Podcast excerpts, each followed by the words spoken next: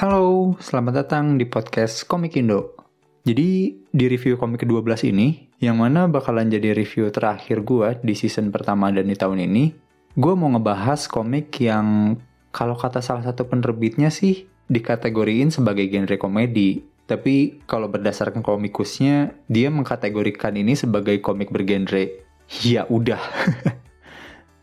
komik yang mau gue bahas kali ini berjudul Arigato Macaroni karya Ervan Fajar.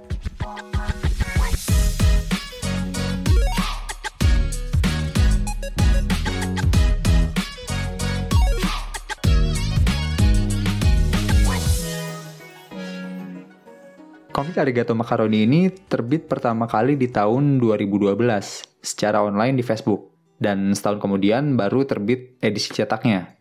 Terus di tahun 2014 penerbit Koloni juga sempat nerbitin round 1 dari komik Arigato Macaroni ini. Oh iya, untuk round 1 ini ceritanya selain dikerjain sama Ervan Fajar, dikerjain juga sama Ervian Asafat. Terus untuk total komiknya sendiri ada sampai round 5 yang mana selama lima round ini, chapter-chapter atau universe Arigato Macaroni ini sempat meraih beberapa penghargaan. Mulai dari penghargaan Era Kosasi Award, Award Silent Manga Audition, dan Award di Pakoban. Untuk komiknya sendiri, menurut gue sih seharusnya tergolong sebagai komik slice of life. Tapi kayak yang gue bilang tadi, mari kita hargai keinginan komikusnya dan sepakati bahwa komik ini bergenre ya udah. Terus untuk premisnya sendiri, jujur aja, walaupun gue udah berusaha mencari-cari informasi dan referensi, tapi rasa-rasanya masih sulit untuk bisa gue jabarin sebagai satu kalimat lengkap yang mewakilin semuanya gitu. Cuma kalau diumpamain, komik ini tuh adalah diary yang dikomikin. Jadi isinya emang kurang lebih berkisar di keseharian tentang orang-orang di sekitar komikus dan dirinya sendiri. Gue pertama kali tahu komik ini tuh setelah dia menang RA Kosasi Award. Jadi gue pertama beli tuh yang diterbitin Koloni. Baru abis itu gue beli yang collector edition dari round 1 sampai 5. Biasanya gue beli komik ini tuh di event Pakoban sih. Soalnya kalau di event luar kota, kadang guanya mager. Dan mungkin jadinya rutinitas tiap tahun juga kali ya. Gue tiap tahun selalu bawa pulang komik Arigato Macaroni dari event itu gitu. Terus kesan gue soal komik ini apa ya ringan tapi berisi gue biasanya lebih suka sama komik-komik atau cerita yang punya tujuan gitu. Maksudnya gue tuh selalu nebak-nebak kira-kira apa sih yang mau disampaikan komikusnya ke pembaca gitu. Kalau misal komikusnya pengen ngebuat cerita ini sebagai obrolan atau kisah yang disampaikan teman dekat, di mana sering banget kita ngobrolin hal-hal lucu, tapi nggak jarang juga ngomongin hal-hal penting soal kehidupan, gue rasa Mas Ervan berhasil sih kalau dari sisi gambar, udahlah, ini mah top tier hitungannya. Stylenya khas, punya Mas Ervan Fajar, yang menurut gua somehow gambarnya masuk sih, baik buat penggemar gambar manga ataupun penggemar komik-komik western. Mungkin kalau lo belum lihat, lo harus lihat sendiri sih, biar bisa bilang setuju atau enggak sama gua. Oke, mungkin coba kita ngobrol dari segi ceritanya dulu deh. Oh ya, mungkin sebelum ke sana, gue mau ngasih tahu dulu gue kayaknya bakalan butuh waktu cukup lama sih buat menyadari ini tuh comic strip kalau nggak ada tulisan Best Comic Strip RA Kosasi Award. Soalnya apa ya? Pertama, panel di komik ini tuh walaupun hampir semuanya berjumlah 4, ada juga sih beberapa yang enggak, tapi tipe panelnya tuh ngelebar. Di mana biasanya komik strip yang gue lihat tuh pakai panel yang cenderung persegi gitu. Ditambah lagi, kayaknya nggak semua panel keempat itu punchline kan komik strip yang gue tahu biasanya punchline ditaruh di panel keempat ya. Cuma Arigato Macaroni ini untuk satu cerita kadang bisa 2, 3, 7 atau bahkan ada yang sampai 21 halaman. Jadi kadang nggak semua panel keempat di tiap halaman tuh punchline. Makanya gue juga rada kaget pas lihat, oh iya ya, ini komik strip ya. Oke, balik lagi ke cerita. Karena emang di awal komik ini tuh bilang ini adalah kisah tentang kehidupan penghuni Jakarta yang ajaib. Jadi emang potongan-potongan kisah di komik ini tuh nyeritain potongan kisah dari seorang karakter aja gitu. Dan mungkin harus gue kasih tahu juga ya, di beberapa komentar atau review yang gue lihat, sebagian orang ngerasa kurang puas dengan cerita yang sepotong-sepotong. Dan ada juga yang nggak paham di beberapa cerita. Gue nggak tahu kenapa, tapi tebakan gue sih karena di beberapa cerita terlalu kontekstual ya. Cuma di luar itu, ini cerita yang bagus, dan yang gue salut dari cerita yang berbeda-beda ini adalah Mas Ervan bisa ngasih sudut pandang yang pas buat cerita-cerita berdasarkan karakternya. Misal lagi nyeritain keseharian anak-anak keluarga makaroni, sudut pandang dan cara pikirnya pun pakai sudut pandang anak-anak. Kayak ada satu adegan yang coba diceritain anak-anak makaroni, Nih gue coba replikasi ya, mudah-mudahan kebayang. coba lu taruh telapak tangan kanan di jidat, terus lurusin dan rapetin jari-jari tangan kiri lu. Kalau udah, gerakin tangan kiri lu dari depan mata kiri, pelan-pelan ke arah kanan ngelewatin tangan lu yang satunya. Dengan pandangan tetap lurus ke depan. Kalau lu udah nyobain, ya, itulah keajaiban yang bisa ditemukan sendiri di usia anak-anak gitu. Oh iya, kredit Wasai dan Yuki ya.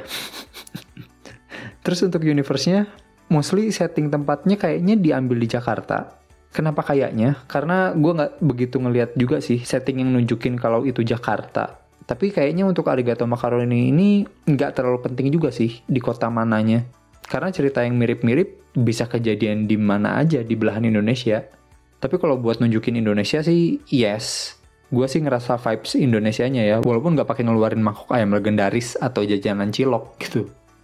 Untuk waktunya pun gue rasa ini timeless sih, nggak ada teknologi yang gimana-gimana juga. Jadi kayaknya mau dibaca sebagai setting 2000-an atau mungkin 10 tahun mendatang, kayaknya masih relevan aja sih.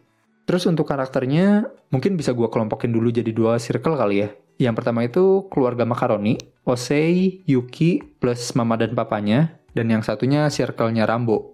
Mostly Rambo plus kakak dan lingkungan kerjanya sih. Untuk karakter, ini mereka bisa disebut sebagai karakter utama gak sih? Ya, sebut aja gitu dulu ya. Kalau untuk karakter utamanya, gue rasa, apa ya, gue mau nyebut perfect, tapi takut dirasa berlebihan. Hmm, manis deh. Soalnya gue suka yang manis. Karakter-karakter mereka nih sweet banget. Ya, apa adanya. Bersama dengan kelebihan dan kekurangan mereka menurut gue dari sebuah karakter tuh yang paling penting believable-nya sih. Dan mereka ini buat gue believable banget. Gue sih curiga karakter-karakter ini emang ada orangnya di dunia asli. Walaupun ada juga sih karakter yang dirasa mustahil. Kayak abang-abang Jawara yang kalau denger depan bawah depan pukul, langsung refleks meragain Soryuken gitu. Bahaya kan kalau beneran ada orang kayak gitu. Ntar tiba-tiba dia denger podcast ini kan, terus dia langsung Soryuken, gimana coba? Terus buat development karakternya, lagi-lagi buat gue manis banget. Gue sebagai yang ngebaca, jadi berasa ngikutin tumbuh besarnya karakter-karakter di sini gitu. Mulai dari Osei belajar ngitung, sampai dapat surat di buku pelajarannya. Mulai dari Yuki umur 2 tahun, sampai udah bisa nulis bagus. Mulai dari Papa Makaroni yang mukanya disensor, sampai dagunya jadi tiga. Ya pokoknya menyenangkan lah Oke, okay, buat gue pribadi, komik ini tuh bakalan jadi komik yang selalu bisa gue rekomendasiin ke teman-teman gue. Nggak peduli mau cewek, cowok, anak-anak, atau udah tua juga gue rasa cocok baca komik ini. Mungkin ini kali yang gue bisa bilang definisi sesungguhnya dari rating semua umur. Terus yang paling gue suka dari komik ini, aduh, jujur susah sih gue kalau disuruh milih salah satu. Tapi karena gue orangnya suka sama karakterisasi, mungkin gue harus minta maaf dulu ke komikusnya yang sepertinya sangat menyukai dan membanggakan gambarnya. Gue akan memilih karakter kalau harus disuruh milih hal yang paling suka yang mana. Walaupun udah gue bilang tadi ya, gambarnya itu top tier. Dan bahkan bisa-bisanya pas ada gambar yang salah malah dijadiin konten buat halaman selanjutnya gitu. Walaupun ada sih inkonsistensi gambar baju Yuki di round 1 halaman 86, tapi ya kecil banget lah itu mah. oh, balik lagi ke karakternya. Saking gue suka sama karakternya, pas Arigato Macaroni ini tamat, gue ngerasa kayak ditinggal pergi sama teman main. Aneh ya. Tapi ya gitu. Oh ya, kalau lu belum baca dan mau baca komik Arigato Macaroni, Potongan-potongan episodenya masih ada di medsos, dan kalau lu mau beli, masih ada juga di all shopnya Argato Macaroni. Dengar-dengar sih lagi ngabisin stok katanya, jadi ada diskon lah dari yang harga awalnya 100 ribu, lu bisa cek sendiri sekarang berapa harganya di all shop. Buat kualitas fisik bukunya pun bagus banget, serius. Kertasnya tebel, art paper, Ini gue udah nyimpen sekitar 7-8 tahunan berarti ya. Masih mulus.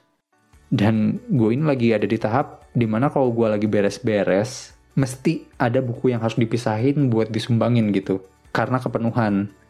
Bukannya nggak mau beli rak buku lagi sih, cuma gue nyadar pada akhirnya space gue tuh terbatas. Makanya sekarang tuh sebenarnya buat buku fisik, gue rada milih-milih sih buat belinya. Dan gue rasa komik Arigato Macaroni ini tetap bakalan gue simpen sih. Mau berapa kali pun gue beres-beres rumah dan rak buku. Oh iya, untuk kabar komik saya sendiri, sekarang Mas Ervan lagi ngerjain project komik di luar, walaupun di beberapa live dia sempat bilang kepengen buat balik ngerjain project komik Indonesia lagi. Jadi sekarang beliau bikin komik-komik pendek aja yang bisa lo baca di Karya Karsa. Plus komik Kill Starter lagi ongoing diterbitin sama Koloni. Ntar link-link terkait lainnya gue taruh di deskripsi kayak biasa. Kayaknya segitu dulu buat obrolan komik Arigato Macaroni kali ini. Jangan lupa dukung terus perkomikan Indonesia, bukan hanya karena nasionalitas, tapi juga karena kualitas. Sampai ketemu lagi di kesempatan-kesempatan lainnya. Dadah.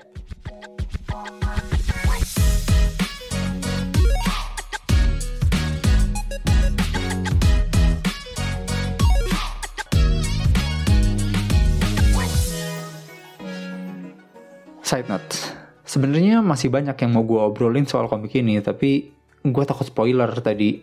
Jadi gue bahas di side note saja ya. Yang berarti kalau lo belum baca dan gak mau kena spoiler, skip aja bagian ini.